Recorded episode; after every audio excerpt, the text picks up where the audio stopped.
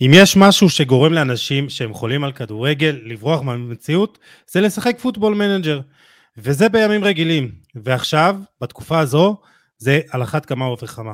לשחק פוטבול מנג'ר ולהתנתק קצת מהמציאות המרה והכואבת הזו שיש לנו מאז השביעי לאוקטובר. ורצה הגורל והמשחק החדש, פוטבול מנג'ר 2024, יוצא רשמית ביום שני הקרוב, אבל בשבועיים האחרונים היה כבר ניתן לשחק בגרסת הבטא ולהתרשם מהשינויים הרבים שיש בו. נדבר על כולם היום בפרק ועל עוד כמה נושאים, פתיח ומתחילים.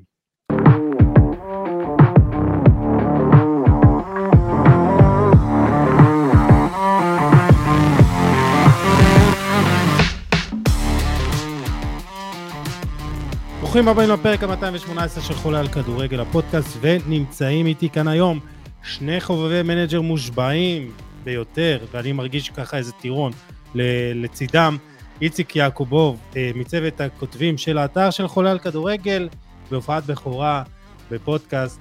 אה, אהלן איציק, מה העניינים? אה, מה נשמע? בסדר, אתה יודע, כמו שאפשר בימים האלו, אבל לאט לאט. אה, כן, לגמרי, כל אחד אה, ככה מתמודד עם המצב בדרך שלו. ורם אפטר מפודקאסט המנג'ר צעקות מהקו, שאחרי שמתן שקארו ועידו סלע התארחו בפרק בעונה שעברה, הנה הצלע השלישית. כן. אה, מכבד אותנו בנוכחותו סוף סוף, אהלן רם, מה העניינים? בסדר, מה שלומכם? בסדר גמור, סיפרת לנו לפני השידור שאיציק מתדפק בדלתות הפודקאסט שלכם. הוא מנסה, הוא מנסה לחתור, הוא מנסה לחתור, אבל אה, בינתיים אני מונע את הניסיון השתתפות. זה עוד יגיע, זה עוד יגיע, הכל בסדר. זה עוד יגיע. קיצור, מה, גלגל רביעי? מה, תצרפו? מה? נראה, נראה, נחשוב על זה, חושבים על זה עדיין. לא נורא. בקיצור, אה, תקשיבו, אנחנו נדבר קצת על... אה, כאילו, המילה השחוקה ביותר בחודש האחרון זה אסקיפיזם, ו... לי, אני אגיד לכם, יש לי את ההתלבטות הזאת במה להתעסק, לא להתעסק בתקופה הזו, וזה מרגיש לי כזה מיותר, אבל כמו שאמרתי בפתיח, יש איזה מין בריחה מהמציאות שאנחנו חייבים, אה, אני מרגיש לי שאני מתנצל, אבל כאילו, יש איזה לא, בריחה לא, מהמציאות לא שאנחנו ש... חייבים, כן, שאנחנו חייבים להתעסק בדברים אחרים, אחרת נשתגע לחלוטין ונאבד את זה. כן. ומה לעשות, אנחנו בתור חובבי מנג'ר וכדורגל מתעסקים בדברים האלה, שעושים לנו טוב בדרך כלל, ועכשיו על אחת כמה וכמה אנחנו ככה אה, עושים את זה. אה, וזה מדהים, כי מנג'ר בעיקרו הוא מנתק אותנו מהמציאות, אבל הוא הופך להיות מציאותי משנה לשנה. כן. אה, אז ככה, חברים, אה, נתחיל איתך רם, אה, איך אתה בחודש האחרון? וואו, אה, כמו כולם אני מניח המצב הזה תפס אותנו עם ה... בהפתעה מוחלטת, אה, בימים הראשונים היה לי תקופה נוראית באמת, כל ה... אתה יודע, להיות אה, עם החדשות לווריד 24/7, אתה יודע, לא לישון, לא, לא לעשות שום דבר, בקושי הצלחתי לעבוד בימים האלה, חוץ מלראות חדשות, ו... וככל שהזמן עובר זה, זה קצת עוזר, וכן, האסקפיזם הזה של פוטבול מנג'ר, ואני לא חושב שצריך להתנצל על זה, כי בסופו של דבר זה, ה...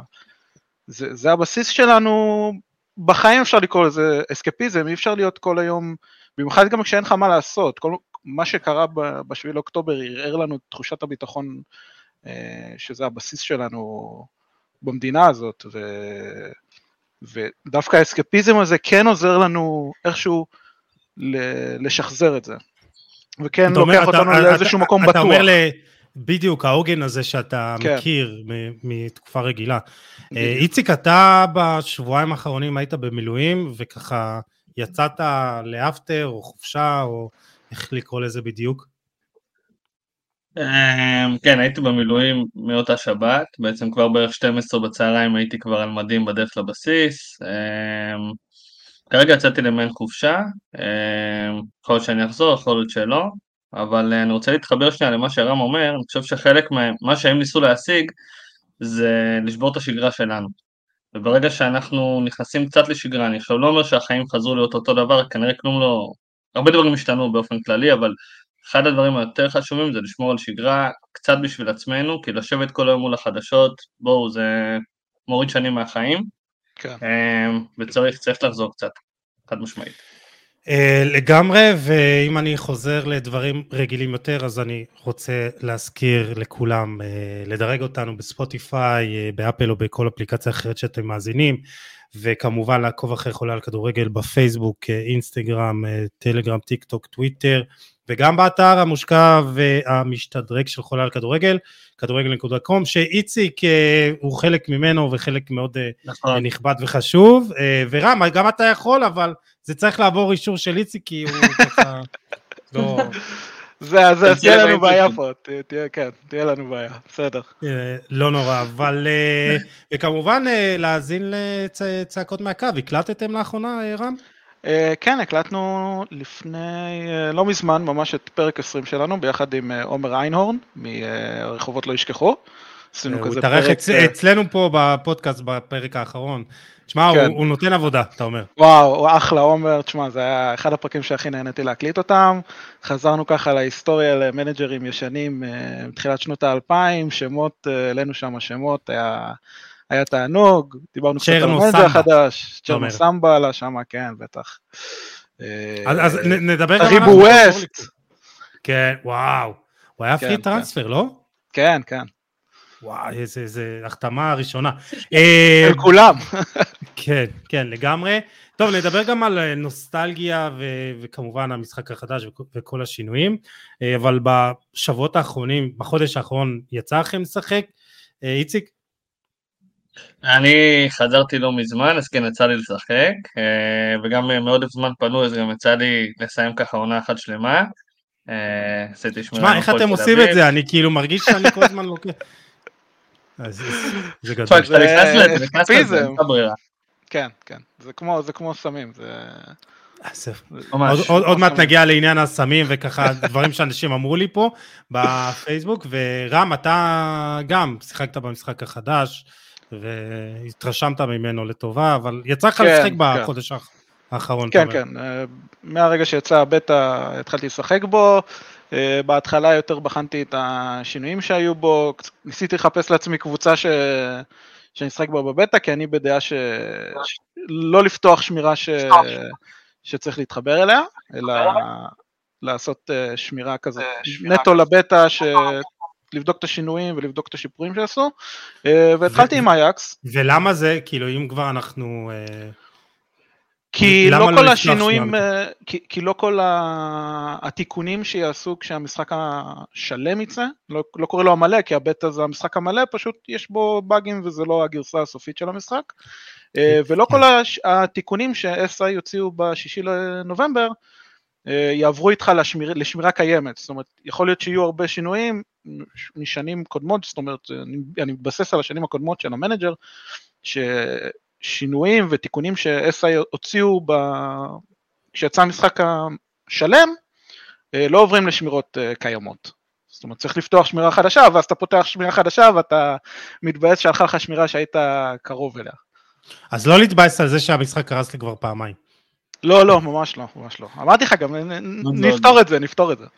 אין בעיה. גם בבטא יש כמה באגים שיכולים להרוס לך את החוויה. כאילו לפעמים כן. בשנה שעברה נגיד היה איזה בעיה עם הליגה הישראלית, אז אנשים שככה נכון, מיהרו נכון. לפתוח, ואז פתאום יש לך בעיה עם רישומים ועניינים, אז עדיף לחכות נכון. לגרסה המלאה תמיד. את זה הם תיקנו רק בינואר.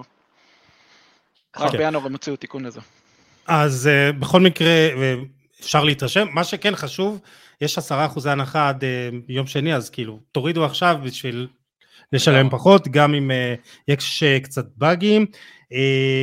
לפני שנגיע למשחק החדש, נדבר קצת נוסטלגיה, מה המנג'ר הכי טוב שיצא אי פעם? עזבו את השנה, מה, מה המשחק הכי טוב שהיה?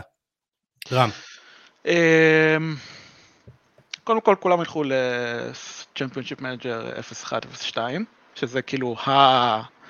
המשחק שהגדיר את, ה... את כל התעשייה הזאת. מנג'ר מחדש, כאילו אתה אומר. כן, זה, זאת אומרת, אה, הם הלכו, זאת, לא מנג'ר מחדש, אלא הם פשוט, זה, זה פשוט היה השיא של אותה תקופה, ויש הרבה מאוד שעדיין משחקים רק בגרסה הזאת. אמ, אני דווקא נורא נהניתי, מ...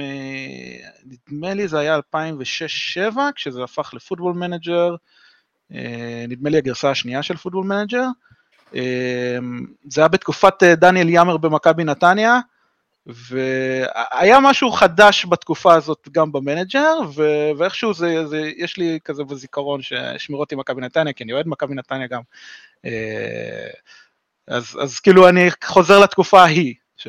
רגע, הצלחת להביא את דויד בקאם לנתניה או שלא? זה לא הצלחתי לעשות, זה לא הצלחתי לעשות. אבל הצלחתי להביא אה, קשר התקפי מקפריסין, מקרידיס, שהיה תותח על במנג'ר הזה, זה היה טירוף.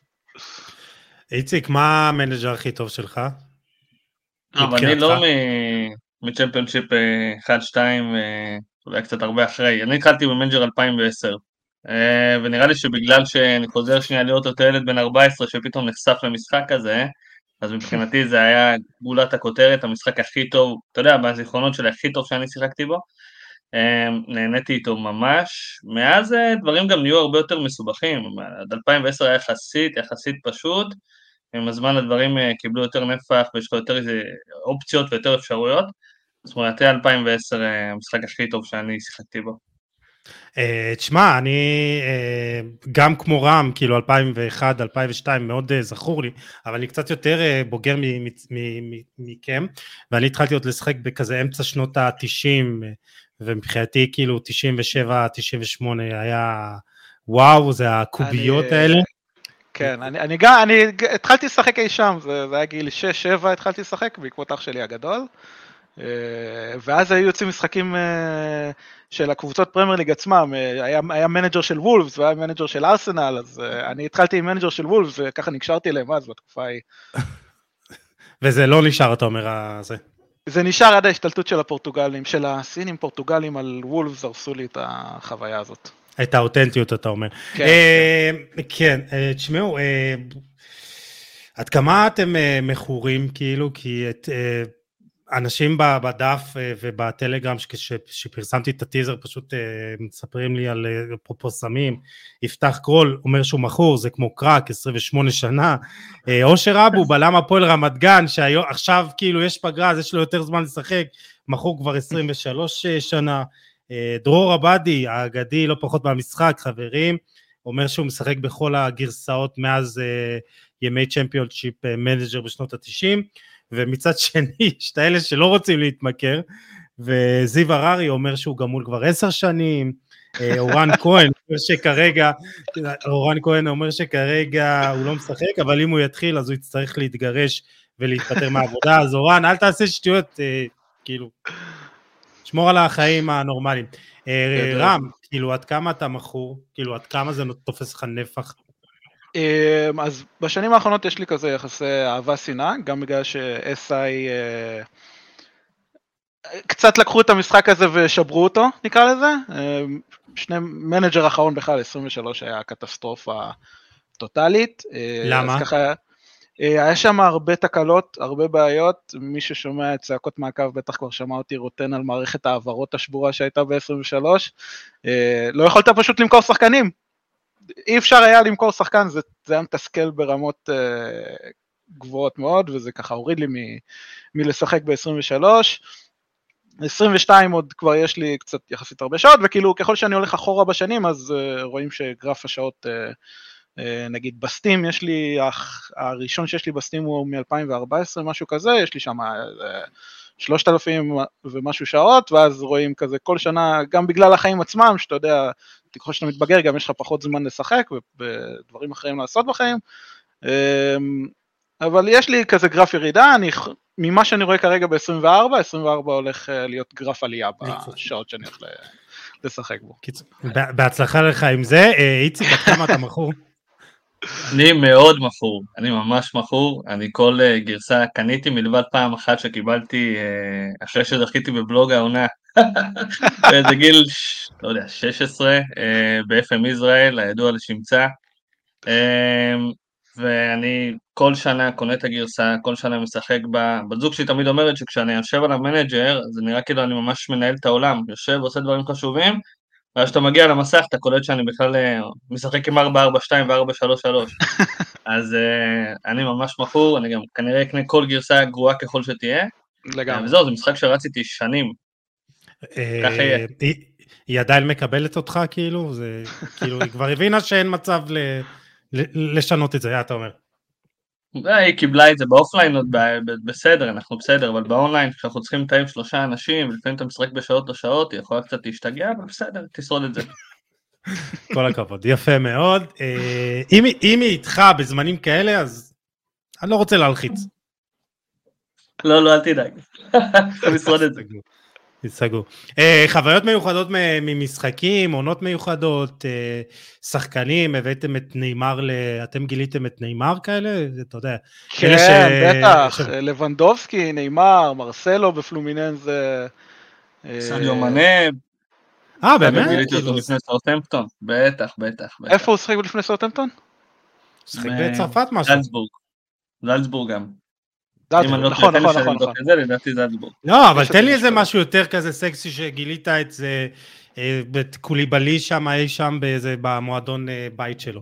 כאילו, לא, רוברט לבנדובסקי, רוברט לבנובסקי אה, התחיל בלך פוזנן, הבאתי אותו מלך נכון, פוזנן נכון. למכבי חיפה, לשמירות במכבי חיפה, הבן אדם פתאום בן 19 כובש לך 60 שערים בעונה, לוקח אותך לשלבים גבוהים באירופה, ואז אתה פותח חדשות ואתה רואה שהוא עבר מ...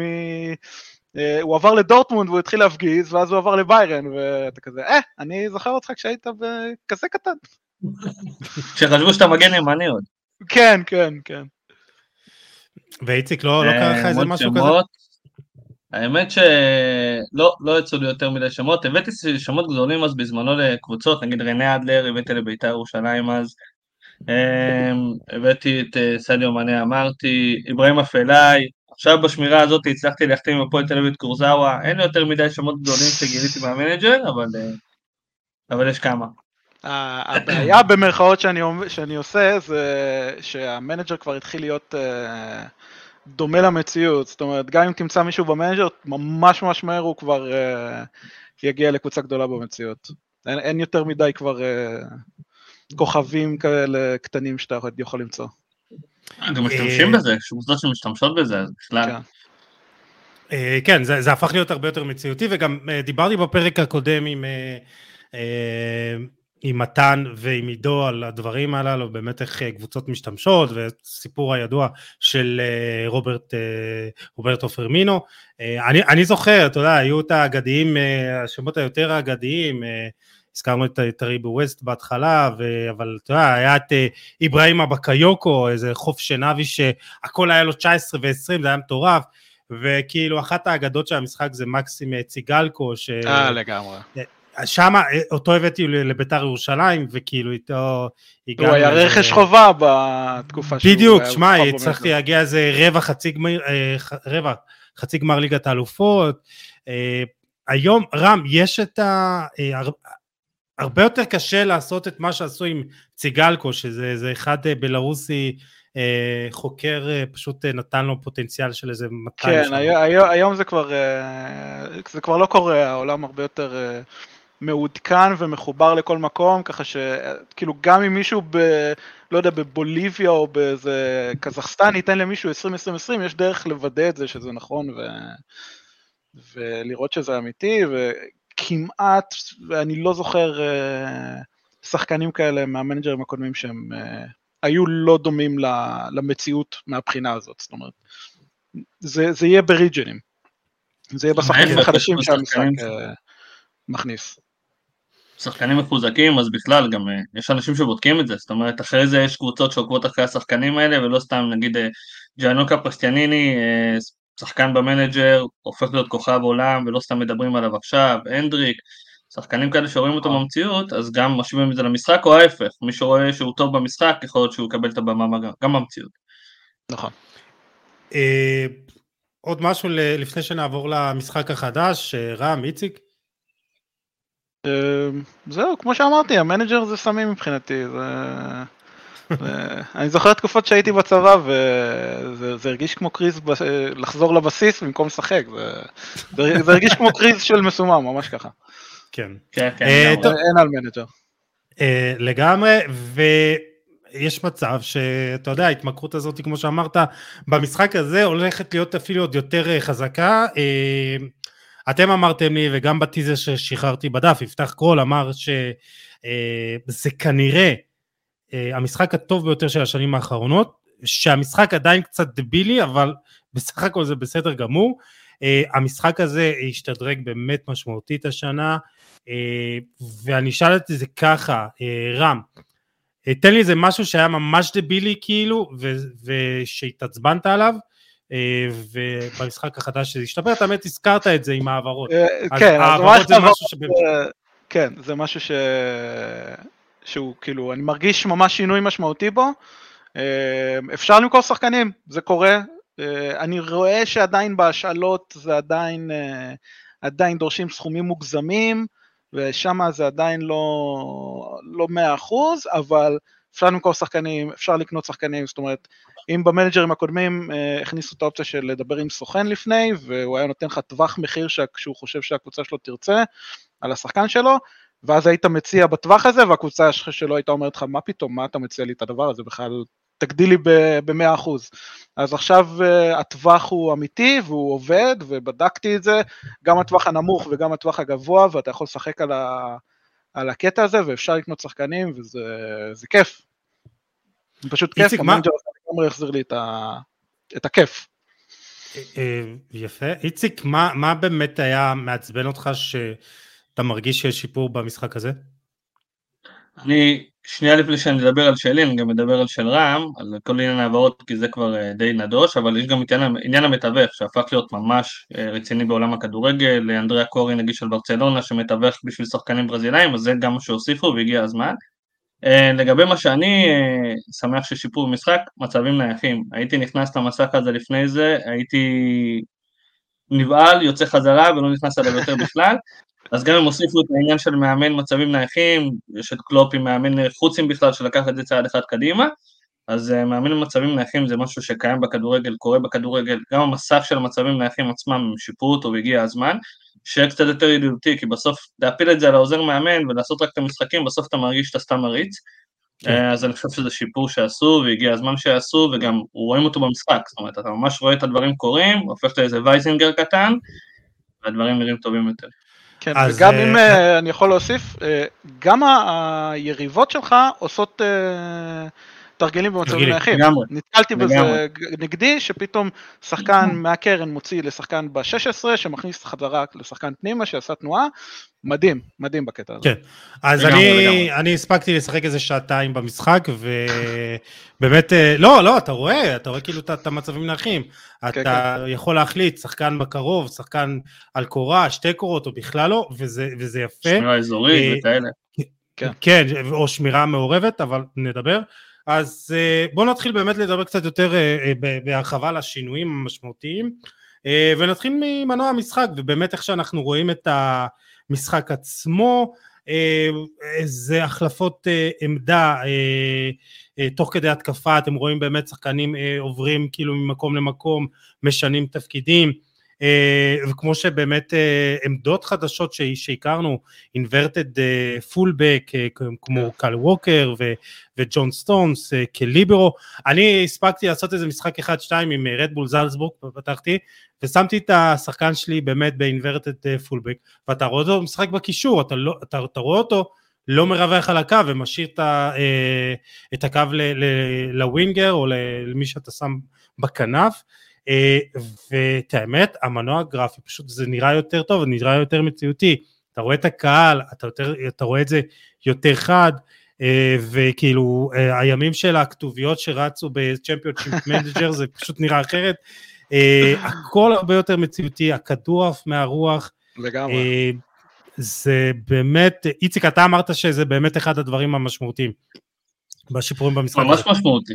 בטח, בטח, כי קודם כל המנוע עצמו הוא חכם יותר, היו איזה פעמים במנג'ר הקודם שאני הייתי מתחרפן, שחקן שמוסר קרן קצרה, שחקן שקיבל מחזיר לאור מהקרן נבדל, משהו הזוי לגמרי קורה עשרים נכון. פעם במשחק, הדבר הכי מתסכל בעולם. ופתאום אתה רואה את השחקנים קצת יותר חושבים, זאת אומרת שחקן שנוגח לרצפה כדי שהכדור יהיה מהרצפה ישר לשער, אה, וולה ממקומות נוחים יותר ולא סתם לבעוט מאיזה 30 מטר, דברים שפשוט הופכים את המשחק לקצת יותר מסקרן, אני לא אשקר, אני איש של ה-2D עדיין, כאילו זאת אומרת יש רגעים שבו אני מעדיף להסתכל על הנקודות מאשר על השחקנים, אבל לראות את הגרפיקה עצמה ואיך שדברים נראים, הרבה הרבה יותר כיף, אמ, והגיע הזמן, הגיע הזמן באמת, וגם שנה הבאה הם בכלל מתכננים משהו חזק וגדול יותר, אבל זה אחלה טיזר. רגע, מה, מה, מה הם מתכננים? נראה לי רם יודע להסביר את זה יותר כן, הם הודיעו שהם הולכים ב-FM25 לעבור למנוע גרפי שמבוסס על אנריל, אם אני לא טועה, שמשמש למשחקים של גדולים בשוק, והם הולכים להעביר את המנג'ר לשלב הבא מבחינתם. הם לא פרסמו יותר מדי מה זה יקרה, חוץ מזה שהם מעבירים את המנוע משחק למנוע אחר, אבל אני מניח שיש שדרוג גרפי מאוד גדול. אני אישית מקווה שזה, שזה לא יהיה יותר מדי גדול, כי לדעתי כל הקסם של המנג'ר זה שהוא פשוט מבחינה, מבחינה גרפית ומבחינת המחשב שיכול להריץ אותו, ו... לגמרי. ואתה יכול להריץ אותו על תפוח אדמה אפילו, אני מקווה שזה יישאר ככה. אה, אבל כן, שנה הבאה כנראה הולך להיות שינוי מאוד מאוד משמעותי. אה, אז עד, עד שנגיע לשנה הבאה, מבחינת כאילו המשחק, אה, באמת איך שזה נראה, מה אתה שמת לב יותר בחודש האחרון שאתה משחק, בשבועיים האחרונים? התנועה של השחקנים, כמו שאמרתם, מדהימה. מדהימה. Uh, פתאום שחקן כנף שפורץ uh, לאמצע ובועט עם הרגל החזקה שלו לפינה הרחוקה של השוער וזה גול וזה כאילו מהלך שאריאן רובן uh, עשה בכל הקריירה שלו וזה אף פעם לא היה בולט במנג'ר ופתאום עכשיו אני רואה את זה וזה, וזה מרגש, זה, זה כיף לראות את זה. Uh, היה לי דבר נורא קטן uh, ששחקן של היריבה נפצע ושחקן שלי הוציא, הוציא את הכדור החוצה כדי שיטפלו בו. כל מיני דברים קטנים uh, כאלה, התנועה של ה... כמו שאמרתי, התנועה של השחקנים עצמם על המגרש, שמצא לפותח לאגף יותר, ואינסייד פורוורד ייכנס יותר לאמצע, הכל הרבה יותר בולט והרבה יותר נראה לעין כמו שזה צריך לראות, ובכללי ההתמסרויות בין השחקנים, התנועה של הכדור עצמו, הכל הרבה יותר מציאותית, מהלכים שקורים במציאות יכולים לקרות גם במנג'ר הזה, וזה מדהים. מדהים. כן, אחד הדברים, גם אם אני יכול להוסיף שנייה, אחד הדברים הכי כיפים במנג'ר נראה לי זה שאתה חושב על איזה משהו טקטית, מסדר את השחקנים, שם הכל, רולים, הוראות, עניינים, ואז פתאום אתה רואה את זה על המגרש מהרגע שתכננת עד הרגע שזה עובד, לגמרי. אין דבר יותר מספק מזה, בחיי. אה, יפה, יפה. אה, קיצור, אתה מרגיש פאפ לשנייה, אתה אומר. כן, ממש. ממש פאפ. אה, הזכרתם את זה, שוק ההעברות נהיה הרבה יותר מציאותי, מעבר לאינטראקציה עם הסוכן, שהיא הרבה יותר מציאותית, גם יש את המתווך, שזה בעצם, אתה יכול להציע למישהו עד עשרה אחוזים מהעסקה, כן. אבל גם מעבר לזה אפשר להיכנס לחוב, נכון? אני לא טועה? נכון, זה, זה עדיין כאילו... לא, לא קרה לי, אבל אתה יכול להגיע למצב ש... שאתה אומר להנהלה שלך, שמעו, אני רוצה את השחקן הזה, אני, אנחנו ניכנס לחוב בגללו, ואם פעם הם היו אומרים לך, שמע, אין את הכסף, אתה לא יכול לקנות אותו, אז עכשיו הם ייתנו לך להיכנס לחוב הזה, והם, והם ימצאו דרך לסגור את החוב הזה, בין אם, אם הם ימכרו לך שחקן, או שאתה תמכור שחקן, אבל מהבחינה הזאת אה, המשחק נותן לך יותר חופש ויותר דינמיות. אה, ואתה, כן. לא יפילו לך את העסקה ל... 100 אלף כן. אה, יורו. זה כבר לא יקרה. כן, כמו שקורה. אה, יש גם את ה transfer room, אה, ראיתי מערכת שעוזרת לבצע עסקאות, מין איזה יד שתיים כזה לשחקנים.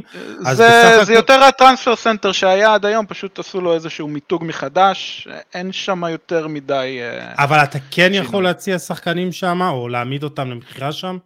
כן, כמו שהיית עושה עד עכשיו. הם, שוב, הם, הם רק עשו מיתוג מחדש ל transfer market הידוע. אה, פשוט קראו לזה transfer room, ופשוט איחדו לך לשם את כל האופציות שיש לך. הבנתי, בסך הכל... זה נראה חדש, אבל זה אותו דבר. כן. הבנתי, וככה מבחינת אה, שוק ההעברות, כמו שאמרת רם, זה באמת כאילו השדרוג אולי המשמעותי ביותר במשחק מבחינתך? אה, כן, עד כה חד משמעית, אני יכול למכור שחקנים, אני יכול לקנות שחקנים ואני יכול לשמור על שפיות בתקציב שלי. אה, וככה זה צריך להיות, זה פשוט אה, הם חזרו לתקינות נקרא לזה, לא הייתי אומר לזה שדרוג, אלא פשוט תיקנו את התקלה שהייתה להם. אה, יפה. מצבים נייחים, איציק, הזכרת את זה, כמו שאמרנו, זה באמת שדרוג מאוד משמעותי, ובאמת יורדים שם לפרטים. מבחינת טקטיקה, איזה עוד שינויים קרו? הכניסו את ה-inverted fullback, מהבחינה הזאת, כמו שאמרנו, על הדשא בגרפיקה זה, במשחק עצמו זה נראה הרבה יותר בולט, שינויים, אתה יכול לשים ליברו עכשיו בשני בלמים? או wide center back איציק? לא זוכר, נדמה לי wide center back. ליברו? ליברו. עידו, עידו בטח עכשיו יושב ושומע את זה ואומר כזה, אה, אז זה מהבחינה הזאת, הם לא עכשיו יצאו באיזשהו שינויים מטורפים בטקטיקה, אבל, אבל זה, זה נראה הרבה יותר טוב, מרגיש הרבה יותר טוב, ולא יודע, מהחוויה האישית שלי במנג'ר 23 לפחות, אני לא צריך לשחק יותר Gegenpress, ואני יכול ל, ל, ליצור שיטה משלי ושהיא תעבוד, אה, כי לפחות, שוב, מהתחושה שלי במנג'ר הקודם, רק Gegenpress עבד, אה, אז עכשיו אתה יכול לייצר את השיטה שלך וזה יעבוד. אה, וזהו מהבחינה הטקטית, לפחות ממה ששמתי לב עד כה. אה, דווקא מהטקטיקה כן. הייתי מצפה ליותר. זאת אומרת, אני כאילו, אם יש משהו שאני רוצה שיוסיפו, זה דווקא בפן הטקטי. אה, כי הם לא באמת נגעו ביותר מדי. אני חושב שעניין ה transitions בין מערכים זה הדבר הכי חשוב שצריך להוסיף למנג'ר. עושים את זה היום בכדורגל העולמי בלי סוף, אתה מתחיל ב-4-3-3, בהתקפה ב-3-4-3, הכל נורא דינמי, אתה לא נתקע על מערך נכון. אחד. אמ, ובמנג'ר דווקא ב-2024 הם לא הוסיפו המון, ה inverted fullback זה מדהים, זה אחלה רול, זה רול שמשתמשים בו המון עכשיו, גם קאנצלו, גם ווקר, גם סטונס, הרבה שחקנים, אמ, אבל פה אין הרבה שינוי, זאת אומרת כן אה, דברים עובדים יותר מהלחץ, יותר מה Gegenpress, אבל אה, כל השאר אה, קצת אפשר להוסיף לו עוד. הקיצור, אתה לא, אתה לא רואה נגיד בשלישים, מערכ, בשלישים שונים מערכים שונים, אתה לא תראה נגיד שליש מרכזי 4-4-2 ואז שליש אה, אחורי פתאום קו 5, זה לא קורה, אתה אומר. אפשר אה, לרמות קצת את המשחק ולגרום לו לעשות את זה, אבל זה לא באמת משהו שהוא בנוי בתוך המשחק, זה גם לפעמים יוצא לך חורים וקצת בעיות. אני חושב שאם יוסיפו את הטרנזישנס האלה בין מערכים זה יכול להיות אה, ממש מטורף, כי אז אתה באמת יכול לגרום לקבוצה שלך להיות הכי טובה בהגנה כמה שיכולה להיות, ומנגד הכי טובה בהתקפה כמה שיכולה להיות, ולנצל את שתי החוזקות שלך לצורך העניין. אה, כן, עניין המערכים היום בכדורגל המודרני הוא פחות אה, אה, חשוב, זה בעצם מה אתה אומר לשחקנים, איך להתנהג בכל מערך ובכל שלב בהתקפה, ותמיד משלבים גם בין מערכים ושיטות. יש גם יעדים אישיים לשחקן, אפשרות להתחיל שמירה ממשחק קודם, ואני לא יודע באמת איזה עוד שינויים משמעותיים יש, אבל נראה לי שאנחנו סקרנו כן. כן, הם הוסיפו עוד משהו קטן שהוא uh, עוד uh, שתי מצבי משחק. יש את המצב משחק הרגיל, שאתה מתחיל עם הסגלים המעודכנים, יש עוד מצב משחק uh, שבו uh, אין, uh, לא בוצעו העברות בתאריך שאתה מתחיל בו, זאת אומרת, נגיד, uh, סתם דוגמה, עם הארי קיין, uh, לא זוכר, הוא עבר ממש לקראת סוף החלון אם אני זוכר נכון, תקנו אותי אם אני טועה, uh, אז אם אתה תתחיל כן. את המשחק ביולי, הוא עדיין יישאר בטוטנאם במצב הזה, קיצור, אתה יכול לפצוע אותו, אתה אומר, אתה יכול לפצוע אותו, להרוס אותו. כן, ואז הוא יעבור אה, רק כשהתאריך של המעבר שלו יגיע, אה, ויש אה, מצב שלישי שבו לא בוצעו שינויים בסגל, זאת אומרת הסגלים מעודכנים לסוף העונה, אבל כן יש לך את הכסף לבצע את השינויים לפי ההוצאה של הקבוצה עצמה. זה, לא בחנתי את שני המצבי המשחק האלה עד כה, אבל זה עוד משהו קטן שהם הוסיפו. אה, איציק, אה, אתה הזכרת את סעודיה, נכון? ושבאמת, אה, כאילו סעודיה היא סעודיה שם, באמת, כאילו כמו בחיים האמיתיים, וכבר שם, כאילו במשחק, אתה רואה את ההשפעה שאפילו גונדואן עבר לשם אחרי עונה. זהו, אז אם אתה צריך כסף במנג'ר, אז תרשום AL בחיפוש, תמצא לעצמך איזה קבוצה גנרית ערב הסעודיתית, תציע לשחקן מסוים, כנראה תקבל אה, הצעה קצת יותר מהשווי אפילו. הם, הם בכל מקום, הם קונים שחקנים, גם שחקנים הרבה יותר מעוניינים להגיע אליהם. לצורך העניין, אם תראה מנג'רים אחרונים, 2023, 2022, שחקנים לא ממהרים לעזוב לשם. אה, עכשיו נגיד הזכרת, אני משחק עם הפועל תל אביב, אני רואה תוך כדי אה, שהימים עוברים, ככה הודעות, ואני רואה שגונדואן עובר תמורת 26.5 מיליון מברצלונה לערב הסעודית. אה, שחקנים אפילו ישראלים, שאתה יכול להעביר אותם קצת יותר בקרוב, אה, קצת יותר מהר, המנג'ר כבר חוזה, לפעמים יש לך שחקנים איראנים בקבוצות ישראליות, אבל בסדר, נגיע לזה מתישהו כנראה, אבל פשוט הרבה יותר פעילים בשוק, וגם שחקנים הרבה יותר מעוניינים להגיע אליהם. אז בדרך כלל כשאתה מנסה להיפטר משחקן, הוא במציאות כסיה כזה של ברצלונה, אז סביר להניח שתבוא איזה סעודית גנרית ותיקח לך אותו בכמה שיותר כסף. כן, זה, טוב, זה uh, תוספת uh, די נחמדה מאוד, כי פתאום שחקן, סתם דוגמא, מכרתי איזה מגן שמאלי בשמירה שלי עם אייקס באיזה 70 מיליון יורו. Uh, עכשיו הם קנו ממני קשר התקפי שהבאתי ב-2 מיליון יורו, באיזה 60, באיזה 50 או 40, לא זוכר. תשמע, מצד שני זה קשה לשמור עכשיו על, אתה יודע, על שחקנים, יצאו להם פי 3-4. הרבה יותר, אה, הקשר ההתקפי שלי לדוגמה הרוויח אצלי 2-3 מיליון יורו, בסעודיה עכשיו הוא מרוויח 30 מיליון. אז אה, אתה לא יכול להתחור בכסף הזה. בדיוק, אתה בתור כן. אה, אייקס שנמצאת במקום האחרון בזה, סתם. קיצור, לא, אצלך לא, היא לא, לא במקום האחרון. לא בתקופתי, לא, לא, לא. לא בתקופתי. אוקיי. אבל כן חשוב להגיד ש... כן. דבר, דבר. לא, אמרתי, אולי היו צריכים להציע לרם פה את התפקיד עכשיו. לא, זה בסדר, יש להם צרות משלהם, אני, אני טוב לי איפה שאני. סגור. מה אתה אומר, איציק? שחשוב להגיד שאי אפשר לשחק איתה עדיין. עם ערב הסעודית, לא במשחק הרגיל, זאת אומרת כנראה שייצאו דאטאבייסים ואפשר יהיה להרכיב את הדבר הזה, אבל אי אפשר לשחק עם ערב הסעודית. כן השחקנים המרכזיים והגדולים מופיעים במשחק, אז uh, זה משהו שצריך להגיד. כן. Uh, טוב, אני לא יודע עד כמה, או יכול להיות שהיה מעניין, אתה יודע, לקחת את אלי הילל או את, אתה יודע, תסמוך על הקהילה שתוציא אה, עדכון, אה, שתוכל אה, להוסיף אותה למשחק שלך. טוב, אז אם כבר הזכרנו את ישראל, באמת בואו נגיע למשחק עצמו וגם להמלצות על שחקנים, אבל נתחיל באמת עם השחקנים הישראלים ועד כמה רחוק הם יכולים להגיע. איציק, אתה עשית את הכתבה באתר של חולה לכדורגל על Football Manager 2023, אבל רצינו גם לראות את השינויים שקרו.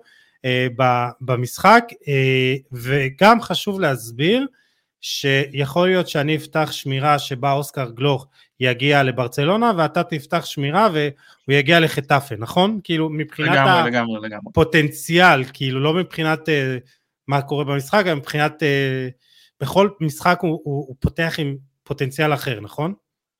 לגמרי, זה גם מאוד מושפע מכמה מדינות אתה בוחר, איזה קבוצות אתה פותח, כי אז אה, לצורך העניין אם אתה משחק רק עם ישראל, אז ישראל תהפוך בצורה קריטית אפילו יותר גדולה ויותר חזקה ממשחק אחר שבה אתה טוען 20 מדינות שונות. אה, אופציות לצורך העניין, לא יכול להיפצע גם לשמונה חודשים לא עלינו חס וחלילה, ואז פתאום כל השמירה הוא מתברבר בו בחטאפה, או שהוא יכול להגיע גם לביירן מינכן. אה, אז אה, אה, רצינו את ה, עד כמה רחוק הם מגיעים במשחק הזה, אז רם פה הכנו רשימה של השחקנים המובילים והמעניינים בישראל, אז ככה, קח את הפיקוד רם, מי מגיע yeah, לאן? אז, אז אוסקר גלוך, אני, קודם כל אני עכשיו בקיץ של עונת 2026-2027, זאת אומרת שרצתי, זו עונה הרביעית שאני מתחיל, כן, זאת העונה הרביעית. אמ, אוסקר גלוך, הוא בדיוק בקיץ הזה עזב את זלצבורג, הוא חתם בטוטנאם, כמעט 17 מיליון יורו. אה, נחמד, נחמד. כן, השווי שוק שלו קפץ ל-100 ברגע שהוא עשה את המעבר הזה. אצלו עזב נורא אה, מהר נגיד. כן? אצלו עזב כבר ב... כן, סוף העונה כבר בלברקוזן, 18 וחצי מיליון. זה כבר נראה יותר אה, כאילו מבטיח אחרי העונה. כן. אוקיי. אה, מנור סולומון, אה, הקריירה שלו בטוטנאם לא הייתה להיט במיוחד, בקושי שיחק שם, הוא עבר לברנלי בהשאלה, והם קנו אותו גם בשמונה מיליון יורו. אוי, מאכזב. אוקיי. כן.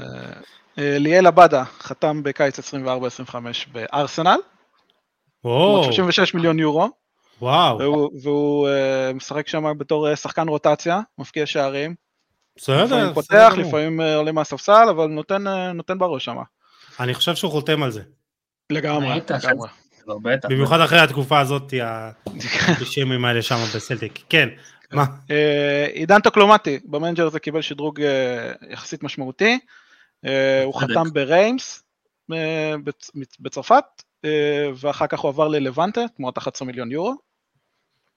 נחמד. כן, עושה קריירה לא רע. אה, דור תורג'מן חתם באלקמר, 2.5 מיליון יורו, לא שיחק שם בינתיים, לא, לא הותיר אה, רושם. אה, סתיו למקין, אוקיי. סתיו למקין, הבלם העתיד של נבחרת ישראל, כן. כן, אז uh, לעומת המציאות שבה הוא משחק בשכתר, במשחק הוא לא הופיע שם. Uh, ועכשיו. הוא, כן, uh, ועכשיו הוא חתם במכבי תל אביב תמורת 2.5 מיליון יורו. אתה יודע שהוא גדל שם. כן, כן, חזר הביתה. הר- הרבה מתינוקות הפועל ש- שפרחו בשנים האחרונות אה, הגיעו ממכבי. כן, עומר סניור וטי עבד, כן, אוקיי. אה, דניאל. פרץ, אה, עדיין בביירן, משחק מדי פעם, יש לו פה חמש הופעות, שמה עשר, סבבה לגמרי. אה, ענן חלילי עבר להרטה ברלין, 10 מיליון יורו ממכבי חיפה, אה, זה קרה בדיוק אה, וואו, בקיץ הזה. אחלה משמעותי. עשה יוקר. כן, כן. הוא גם קיבל אה, שדרוג משמעותי לפרופיל שלו, אה, בצדק, בצדק לגמרי, ממש. לגמרי. תשמע, הוא אה, יכול לפרוח שם בגרמניה. כן, כן, נראה? לי זה ליגה שיכולה להתאים לו בכלל, אה, אתה אומר. מהבחינה הזאת. כן, כן. כן. אה, ליגה אוקיי. התקפית שאוהבת אה, שחקני התקפה מהירים. אה, זה מבחינת השחקנים שבדקתי, אתם רוצים לשמוע על ברק בכר מה הוא עשה בקריירה? בטח.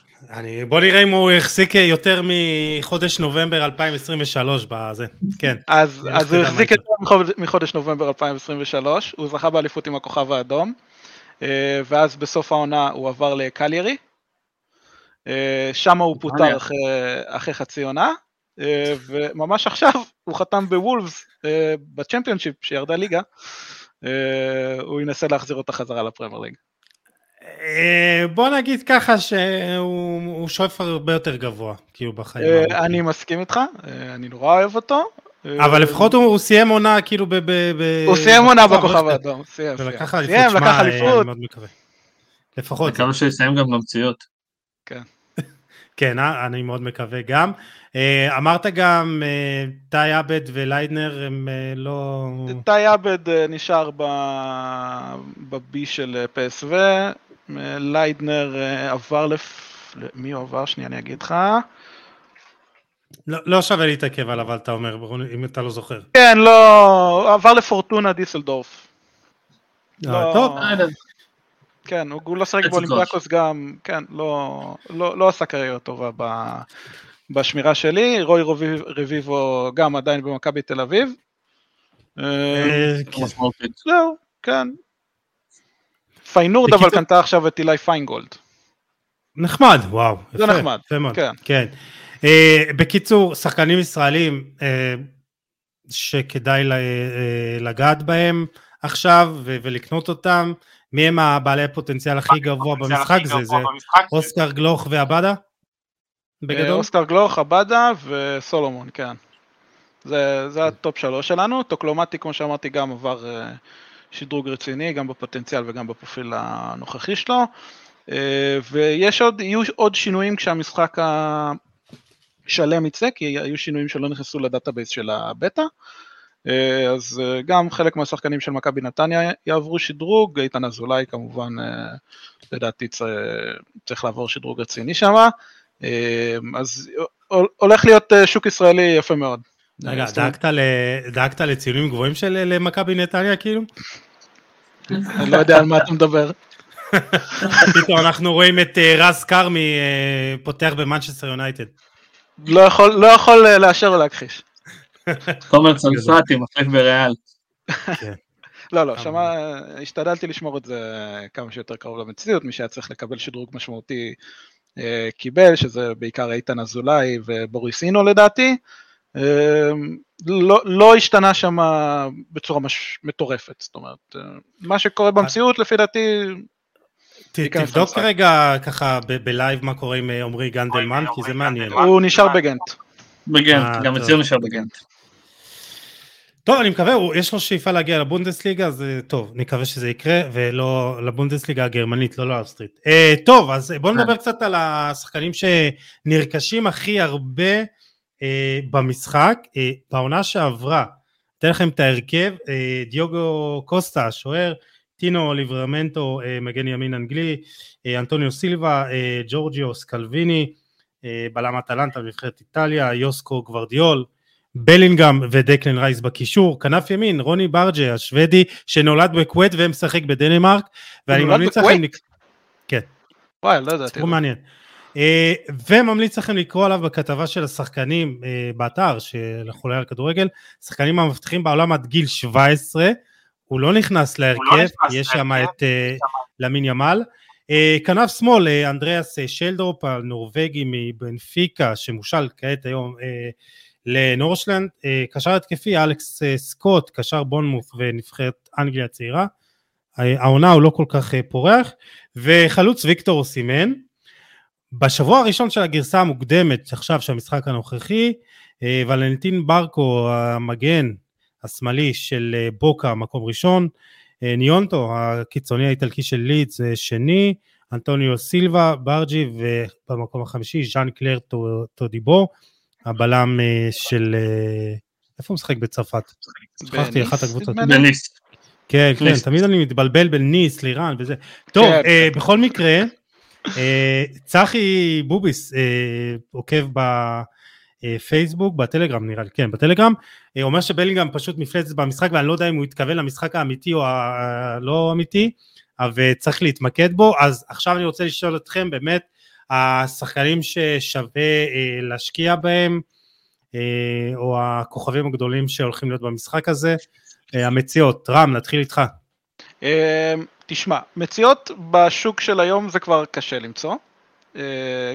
כמו שאמרנו בהתחלה, בגלל שהשוק כל כך אוניברסלי ומחובר ואתה יכול להגיע לכל מקום בשניות, אז, אז זה קצת הרבה יותר קשה למצוא. אני כן יכול להגיד לך, אני אדבר על השמירה שלי באייקס, שכבר הרצתי שלוש עונות. יש שחקנים, יש את ז'ואאו נבס מבנפיקה. בנפיקה, וואו. כן, עכשיו. הוא כוכב על במנג'ר, נתנו לו פוטנציאל מטורף, נתנו לו פרופיל משוגע לגמרי, הצלחתי להביא אותו, אין לי מושג איך, בכמעט 100 מיליון יורו, הוא יהיה נראה לי רכש... וואלה, כמה חור... כסף יש לכם שם באקס? תקשיב, אני, אני אומר לך, ערב הסעודית, דיברנו על זה. כל, כל התקציב שלי התבסס עליהם. קיצור, שולח את כל השחקנים האלה כל מי שרוצה, אני שולח אותו, אין לי בעיה. גם שחקני הרכב שלחתי, לא אכפת לי, הכסף שווה את זה. גדול. אז, ז'ואר נבס, יש את תיאגו פלסיוס, שהוא קצת כזה יהלום נסתר, הוא קשר התקפי ארגנטינאי, שמתחיל בקבוצה אורוגווייט בשם MC טורקו, טורקיו, לא יודע איך לבטא את זה. הבאתי אותו בשלוש מיליון יורו, הוא נתן לי עונות של דאבל דאבל באייקס, הגעתי איתו לחצי גמר ליגת האלופות. יש עוד שחקן מאורוגוואי בשם פדריקו פריירה, הוא בלם ומגן ימני, גם יש לו פרופיל מטורף לגיל 23-22, הוא משחק בליברפול אפסה מאורוגוואי, גם עולה גרושים, עלה לי 2 מיליון יורו, פרופיל פשוט מטורף לקבוצות בינוניות באירופה, עולה זול, יש שוער בלוקומוטיבה, שמישהו בטוויטר כתב עליו, אני לא זוכר את השם שלו, אז אני מתנצל אם הוא שומע אותנו עכשיו, ואני לא זוכר את השם שלו. אני שנייה אגיד לכם איך מבטאים את השם שלו, של השוער הזה, כי יש לו קצת שם כזה מסובך, ניקולה צבלינה, הוא מתחיל בלוקומוטיבה, אצלי הוא הגיע בשמירה לווסטאם, אז שווה לשים עליו עין, בכללי השוק המזרח אירופאי כמובן מלא ביהלומים שעדיין אפשר למצוא במחיר נמוך יחסית. לי, לי בשמירה בנוסף הבאתי את ניקלס הדל מרפיד וינה, שוער מצוין, צעיר, כן, הוא גם צעיר, הוא גם עם פרופיל מצוין, הגעתי איתו, גם הוא השוער הפותח שלי, חצי גמר ליגת האלופות, שחקן פנטסטי. ואוסמן דיאמונדה, אולי אני גונב לאיציק פה את, את השם הזה. אני גונב לך, או שאני אשאיר לך אותו? אתה גונב, אתה גונב. דבר, דבר, דבר. אז אוסמן דיאמונדה, אז אוסמן דיאמונדה מספורטינג ליסבון, הוא גם יקר, הצלחתי להביא אותו ב-55 מיליון יורו, אבל הוא פשוט מפלצת של בלם. מפלצת. מפלצת, אין... זה, זה, זה בינתיים מי שאני יכול להגיד עליו בלב שלם, תקנו ברגע שאתם יכולים. איציק, נשאר לך משהו? שחקנים? להמליץ עליהם? כאילו, איכשהו הזכירו כל מיני שחקנים שאנחנו להגיד, אבל רוני בריג'י אולי אחד השחקנים היותר מרתקים במציאות, ובטח שבטח במשחק, שתי רגליים חזקות, יכול לשחק בשני הצדדים, שחקן מטורף, אתה יכול להביא אותו גם יחסית בגרושים, בטח מקופנהגן. יש לך את uh, מרטין בטורינה, uh, מיודענו, הבן של uh, שחקן על. שחקן על, כן. מביא אותו במעט כסף, אם לא טועה, עד גג עד 20 מיליון, והוא יכול להתאים לכל קבוצה שאתם יכולים להביא, מי שבא לכם. אמ, אה, אוסמן ג'רמונדה שאני אה, לא אזכיר, ואי אפשר להיות פרובינציאלי בלי להגיד אוסקר גלוך, כי ביחס לסטטים שלו הוא עולה בערך 19-20 מיליון והוא שחקן על בכל קנה מידה, להפך ממנור סולומון שאני מרגיש שהמנג'ר אה, לא עושה איתו חסד כל כך, לא הצלחתי איתו מעולם להגיע למספרים מטורפים, אני חושב שברוב השמירות שהרצתי הוא גם לא הגיע להרבה, לעומת אוסקר שבאמת המנג'ר עושה איתו חסד, זה עוד שחקן שצריך להביא בכמה שיותר מהר. אמ, זהו, רם הביא ככה רשימה, אני הבאתי שלושה ארבעה שחקנים, זה מה שאני כן ממליץ להביא. אז, אז בוא נדבר כאילו באמת איך להגיע, כי זה, זה חשוב, כי אני רוצה שגם ניתן כלים. אה, אמרתי לכם, פתחתי את העונה עם רד בול זלצבורג, וישר הבאתי איזה שניים, שלושה סק, אה, סקאוטים חדשים, עם פוטנציאלים של 17-18 ב ability ובפוטנציאל, אבל באמת, איך מנהלים את כל מערך ה scouting בצורה נכונה, רם? אמ, אז קודם כל זה תלוי מי, מי אתה מבחינת קבוצה. זאת אומרת, אה, אם אתה קבוצה גדולה, אז אה, כנראה שאתה תשלח את השחקנים שלך לחפש שחקנים יותר מוכחים, כי אתה צריך להצליח כאן ועכשיו, ואם תביא עכשיו שחקן בן 19 שעוד לא, שעוד לא בשל, אז כנראה שיבטאו לך בתחת. אמ, אז אם אתה קבוצה גדולה, הייתי הולך על אה, מדינות אה, אירופה, פורטוגל, אה, ספרד, ששם יש סעיפי שחרור, צרפת, יש שם הרבה שחקנים ברמה גבוהה שהם בקבוצות יחסית קטנות שאפשר למצוא.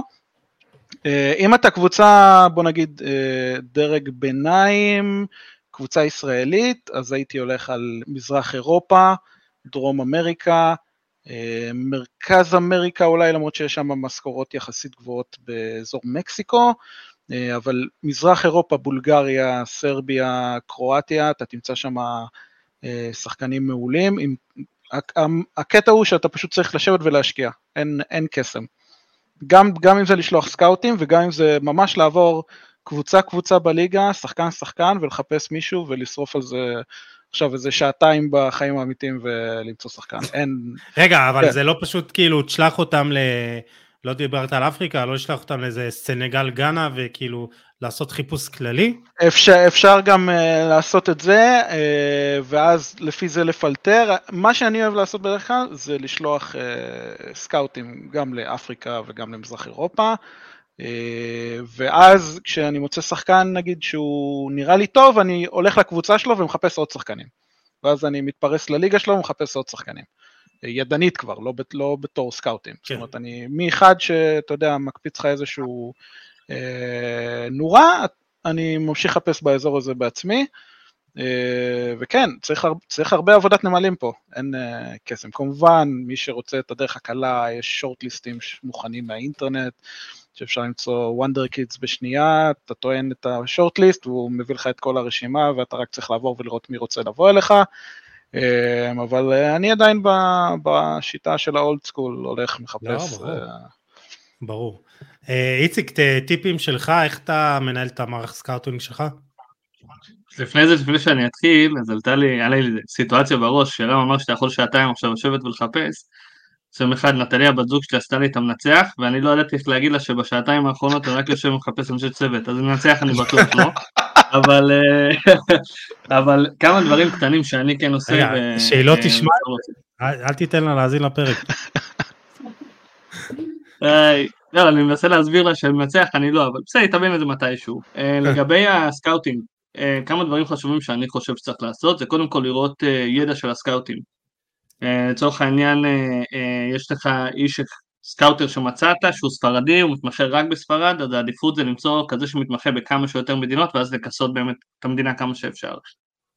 נבחרות צעירות, במיוחד במזרח אירופה, כמו שרם אמר, קרואטיה, סרביה, גם בצ'כיה יש המון המון שחקנים מעולים, לשלוח לשם כמה שאפשר ולמצוא אותם בנבחרות הצעירות עוד לפני שהם פרחו. בדרך כלל אתה רואה ריג'נים כבר, אם אתה רואה באיזה נבחרת צעירה ילד בן 16 עד גיל 21, כנראה שיש מה, מה לעשות ואפשר לקחת אותו כבר.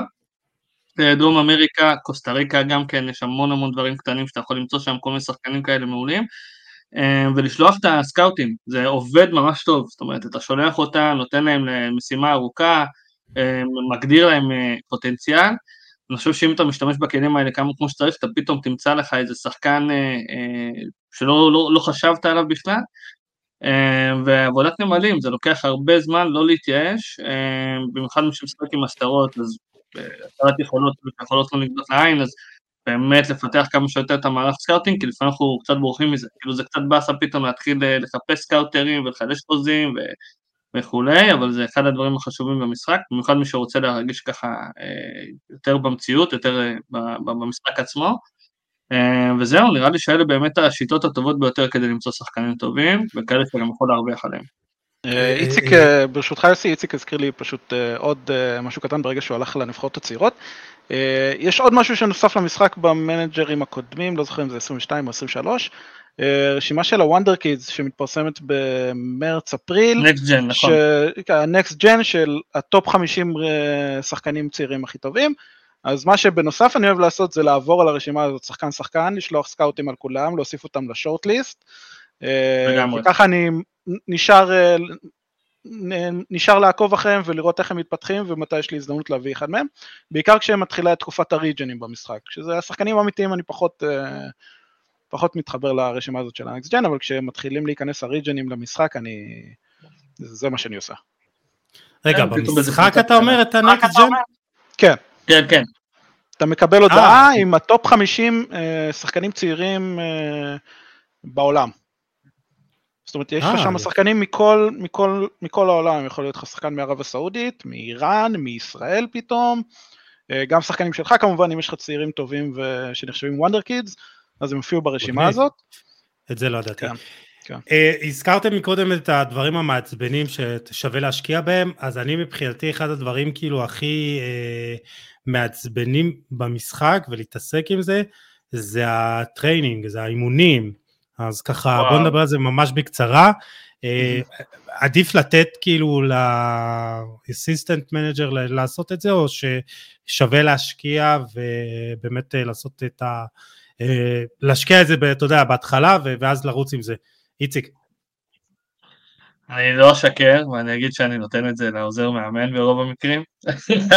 ניסיתי קצת להתעסק בזה, זה יכול להיות קצת, אה, זה מסך גם לא כל כך סימפטי, הוא קצת בעייתי עד שאתה נכנס אליו, עד שאתה מצליח להבין, אז לי אישית לא יצא אה, לעשות איזושהי מערכת אימונים באמת רצינית, אני ברוב המקרים מתעקש בעוזר מאמן על סטאט שיהיו, אה, כאילו כאלה רלוונטיים שהוא יהיה אחראי אז אין הרבה להוסיף, אולי רם כבר ניסה את המערכת החדשה ב-2023, ב-2024 סליחה, עדיין לא, אז אה, זה גם אני כן גם לא מרגיש שהם שינו שם יותר מדי, זאת אומרת, הכל נראה די דומה. אה, לא היה שינוי משמעותי עדיין בתחום הזה, שזה משהו שבאמת אה, קצת לוקה בחסר. אני אישית, הדבר היחידי שאני מתעסק בו זה כשיש לי רצף משחקים של כל יומיים שלושה, זה לתת אה, מנוחה לשחקנים בין המשחקים, כדי שלא, כן. כדי שהכושר שלהם אה, יתאפס.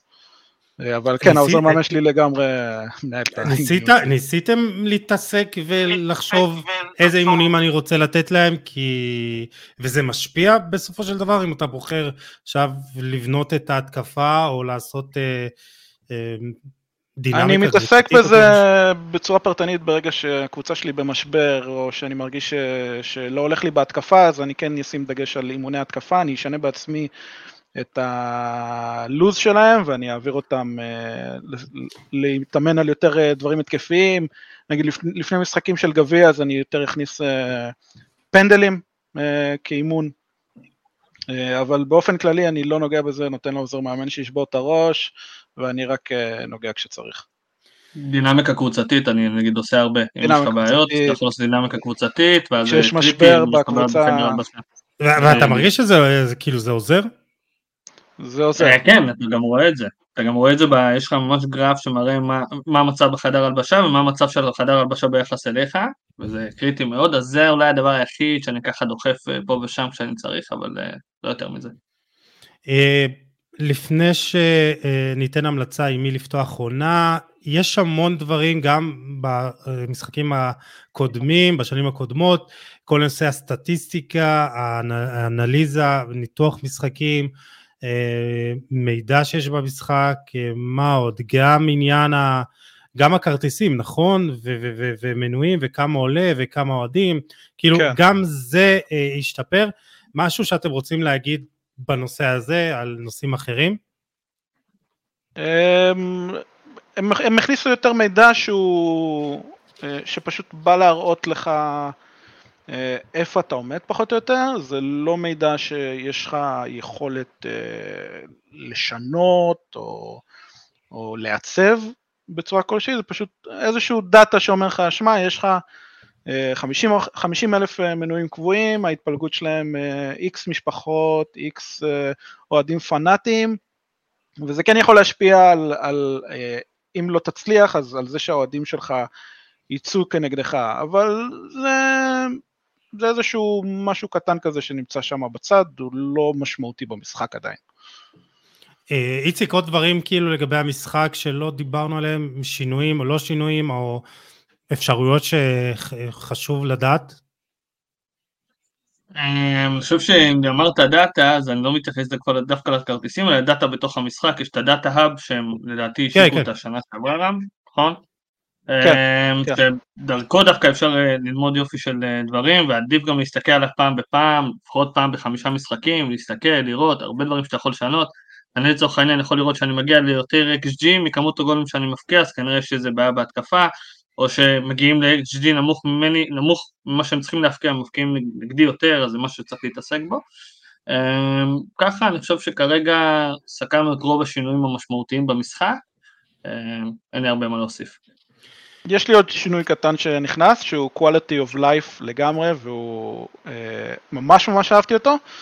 אה, אתה יכול להציע אה, לצוות אה, מאמנים שלך, לסקאוטים ולפיזיותרפיסטים, שכר שהוא לפי התקציב שכר שלך. במנג'רים הקודמים היית מוגבל לאיזושהי תקרת שכר דמיונית שההנהלה הייתה שמה לך, וגם אם היה לך בלנס והיית במצב כלכלי של 200-300 מיליון דולר עם מכבי תל אביב או, או לי קבוצה ישראלית, היית יכול להציע אה, למאמן אצלך 10,000 דולר לשנה, אז עכשיו אין את ההגבלה הזאת יותר, אתה יכול להציע כמה, ש, כמה שאתה יכול, גם לשחקנים וגם למאמנים. זאת אומרת, אתה יכול להחתים מאמן על חוזה של שלוש שנים עם 20 אה, מיליון דולר לעונה לצורך העניין. שזה ממש... אה, יפה, יפה, כי בסופו של דבר גם אתה צריך להביא כמה שיותר מאמנים וכמה שיותר מאמנים אה, בדיוק. מוכשרים. ככה, ו... רק ככה אתה יכול לשדרג את עצמך, כי, כי הם רוצים כסף בסוף. הם, אתה יודע, אתה עם, במיוחד עם קבוצות ישראליות זה יהיה מורגש השנה, שברגע שתפתח אותן ו, ותגדל כלכלית, אז גם ההיצע של הצוות המקצועי שתוכל להביא אליך יהיה הרבה יותר אה, איכותי. Uh, מעולה. Uh, טוב, אז המלצה עם מי לפתוח עונה, איציק? יש לי שלוש קבוצות uh, ככה מהירות, אני אישית לקחתי כמה סוגים של אנשים. לפרובינציאלים, ישראל, אני אישית לקחתי את הפועל תל אביב, עברו איזשהו שינוי בעונה הזו, אה, הביאו שחקנים... רגע, אתה לא עוד אה, הפועל, נכון? לא, לא, בארץ אין לי איזה אהבה ספציפית, אבל אוקיי. אני לקחתי את הפועל תל אביב כי יש להם איזה קבוצה, אחלה קבוצה, בוא נגיד 11 טובים, 12-13 טובים, עם זה אפשר לרוץ. מלאגה, זו קבוצה למשקיענים יותר, קבוצה שהייתי הגיעה לרבע הגמר ליגת אלופות, נכון? כן, נדמה לי עם אה, פלגריני, אם אני זוכר נכון. כן, כן, אז בזמנו עם הכסף הגדול, הידרדרו משמעותית, כן. היום בליגה השלישית, קבוצה שאפשר לעשות איתה המון, ואחלה של אה, קבוצה לשחק איתה. ולקלילה יותר, דורטמונד, נראה לי אחרי מה שקרה עם אה, מיינץ, זה בלתי נתפס שאתה יכול לאבד ככה בשנייה אליפות. אז אני חושב שמי שרוצה להחזיר שנייה את האליפות לצד הצהוב של גרמניה, אז יכול לקחת את דורטמונד. אלה שלוש הקבוצות שאני ממליץ עליהן. למי שאחרי זה בהמשך יוריד database, וזה ככה בהקשר למצב ולכל האנטישמיות ולכל הכדורגל העולמי שככה הפנה לנו קצת את הגב, יש קבוצה בליגה החמישית בגרמניה בשם מכבי ברלין או מכבי לונדון שנמצאת גם בליגה התשיעית באנגליה, מי שממש רוצה, אז אה, שתי קבוצות שהן לקחו לעצמן את הפרויקט הזה של להילחם באנטישמיות אה, ולשלב כמה שיותר יהודים באירופה, אני חושב שזה אחד הדברים הכי כיפים וגם מתחברים למציאות, אז אלה ההמלצות שלי. אה, מכבי ברלין יש שם שחקן ישראלי גרמני ויש שם גם מוסלמים ונוצרים ויהודים כמובן, אז ככה זה באמת אה, קבוצה אה, מעניינת. רם, עם מי לפתוח עונה? אמ, אני בטבע שלי אוהב ללכת לקבוצות ש... זאת אומרת, המנג'ר תמיד יוצא בנובמבר, סוף אוקטובר, ועד אז uh, אתה מצליח לראות קבוצות שאמורות להצליח ולא מצליחות uh, בליגות שלהן. אז זה, זה שמירות מהסוג שאני אוהב לעשות, אז יש לי כמה כאלה שאני יכול להמליץ עליהם. Uh, הראשונה זאת ליון, שבמציאות היא בקריסה טוטאלית, היא מקום אחרון בליגה הצרפתית, לא ניצחה עדיין משחק העונה. Uh, עכשיו היה להם תקרית עם uh, מרסיי, כמדומני. אפרופו ליון, כן, אפרופו ליון, אה, עולה עוד מעט היום כנראה כתבה על ליון וכל המצב שלה, אז ככה זה, זה יפה, כן, בהקשר של זה. כן, אז, אה, אז ליון, אה, לוטון, אה, לוטון, לוטון שעלתה לפרמייר כן. ליג, כן, נדמה לי לראשונה בהיסטוריה שלה. כן. קבוצה קטנה, פרבר שכונתי, האיצטדיון שלה עובר דרך שכונות ובתים, אז גם בפרמייר ליג כרגע לא הולך לה. יש לה ניצחון אחד מעשרה משחקים, אז זה אחלה אתגר, כי גם כנראה שאין שם הרבה כסף, וזה כזה סוג של דוד מול גוליית. והקבוצה השלישית, אני אהיה פרובינציאלי קצת כמו איציק, רק לא בישראל, אלא בספרד, ראסינג סנטנדר. וואו. אה, חזרה לליגה השנייה, אה, נראה שבונים שם משהו חדש, אה, היא הייתה בהתרסקות מטורפת בעשור האחרון, בשנים האחרונות, ויש שם שמות כמו קלמן גרנייר, גרנייה, סליחה, למי שזוכר אותו, הקשר הצרפתי, אה, אז אה, זה, זה, זה סוג השמירות שאני עושה בדרך כלל, אה, יש קבוצה בליגה השנייה שאני אקח, שאני אקח בשביל עצמי ואעשה את השמירה, שלא אמרתי אותה, זהו, זה, זה השלוש המלצות שלי. תשמע, אם כבר ת... נלך על דפורטיבו לקורוניה, אם הלכתם על קבוצות מיתולוגיות מספרד. כן, זה, זה לגמרי, זה הייתה לי כן, שמירה כן, מדהימה כן. איתה באחד המנג'רים הקודמים, שמירה אחת הכיפיות שהיו לי, אבל גם, גם דפורטיבו זה, זה אחלה אופציה. ראסינג פשוט ראיתי שהם בליגה השנייה וכזה פרובינציאליות קצת, אז להחזיר עטרה ליושנה. ראסינג עלה לי קנאלס, ישר קנאלס, סרחיו קנאלס בין איזה 18 במדים שלה, איזה שחקן. הוא משחק בבטיס, הוא משחק גם בראסינג? היה בהשאלה שמה? הוא גדל בראסינג, גדל בראסינג, עבר לריאל, משם מתגלגל, שחקן שחקן. אם אני לא טועה, אה. אפשר לבדוק את זה. לא, אז אני כאילו, אני קצת יותר עתיק, אתה יודע, הלכתי יוסי בניון, אה, אילן בכר, אה, עמרי אפק. עמרי אפק. דודו, עוואט. דודו, דודו, דודו, עוואט. עוואטה. טוב, יש קצת שאלות עוקבים. שוהם סובר וניב דרמר שואלים לגבי הנחה, אז כמו שאמרתי, אני לא יכול לתת, אני בעצמי קניתי את המשחק, תקנו אותו עד יום שני, אה, ויהיה לכם אה, הנחה של עשרה אחוזים. אה, בכללי, אם אני יכול להגיד על זה משהו? כן. שנייה. זה משחק, בניגוד למשחקים אחרים ש, שאתה תקנה ויגמרו לך אחרי 20, 30 שעות, 40 שעות, Manager זה משחק שיכול לתת לך אלפי שעות בשנה. לחפש הנחה של 10 שקל, 20 שקל, שוב, אני לא, לא מזלזל בכסף של אף אחד, ותסתכלו על זה איך שאתם רוצים, אבל לחפש את ההנחה הזאת של ה-20-30 שקל, איפה הכי זול, לפעמים הזול עולה ביוקר אחר כך, אז פשוט תיכנסו ל Steam או ל Epic, תקנו את המשחק, יש לכם משם תמיכה גם של הקהילה, שתוכלו להוריד דאטאבייסים ומודים וסקינים וכל מה שצריך, פשוט... מחזק. זה, זה, זה, זה התמיכה הכי טובה שאתם יכולים לעשות אה, למען המשחק הזה. כן. אה, לגמרי. אה, אוהד שאל אם יש גם למובייל, אז, אז יש כמובן, אבל יצא לכם לשחק אה, בגרסה לנייד? אני יצא לי לא לשחק, זה לא אותו דבר, כן. מי שאוהב כזה ממש לרשף, יש את הגרסת פעם הייתה גרסת טאץ' כזה, שאתה לא, לא נוגע בהכל, זה יכול להעביר את הזמן, יש להם גם לדעתי שת"פ עכשיו עם נטפליקס, הם עושים שם כן. איזה משהו, נכון, דיברו על זה, כן. משהו מטורף. אז זהו, אז אני פחות שיחקתי העונה הזו, אבל אה, יצא לי לשחק, זה יכול להיות אחלה להעביר את הזמן חד משמעית. אז הם הודיעו שנטפליקס אה, היא תהיה כאילו הגישה האקסקלוסיבית, אני שם במרכאות, זאת אומרת מי שיש לו מנוי לנטפליקס יקבל גם דרך המנוי הזה את המשחק, אה, וגם אתמול או שלשום הודיעו שהם עושים שת"פ עם אפל ארקייד, שמי שיש לו את המנוי של אפל ארקייד, אז גם דרכו יהיה את המשחק. אה, כן, אבל אה, אני בדעה של אה, כאילו, בסוף המשחק האמיתי זה המשחק האמיתי במחשב, אז לגמרי. כל גרסה אחרת זה פשוט לא, אה, עוזר. היא גם נורא מצומצמת במובייל, לדעתי אין שם נבחר את כל הקבוצות, כן, ושם ממש אה, מבחר קטן של ליגות אם אני לא טועה. ישראל כן, אין שם לא, לא. כל הפיצ'... אין ישראל, אה, לא כל הפיצ'רים אה, שהם מכניסים למשחק המלא אה, של המחשב אה, קיימים במובייל. אה, זה גם, זה לא אותו, לא יכול להגיד שזו אותה חוויה אפילו. לא, לא, זה לא אותה חוויה, זה מזכיר לי קצת Top 11. מזכיר לי קצת Top כן, 11. יש בזה משהו. אה, כן, זה, זה מהבחינה של המובייל. לגמרי שזה כמו Top 11. ושאלה אחרונה, ארז גבריאלי אומר שהוא מהדור הישן, מהתקופה של ה Championship, שהמשחק היה פשוט, ושואל אם יש דרך לשחק בצורה אה, פשוטה יותר, תודה. ומבלי לתכנן אה, כל פרט ופרט. אין. אני לא. חושב. אתה, שיוריד את המובייל, אתה אומר.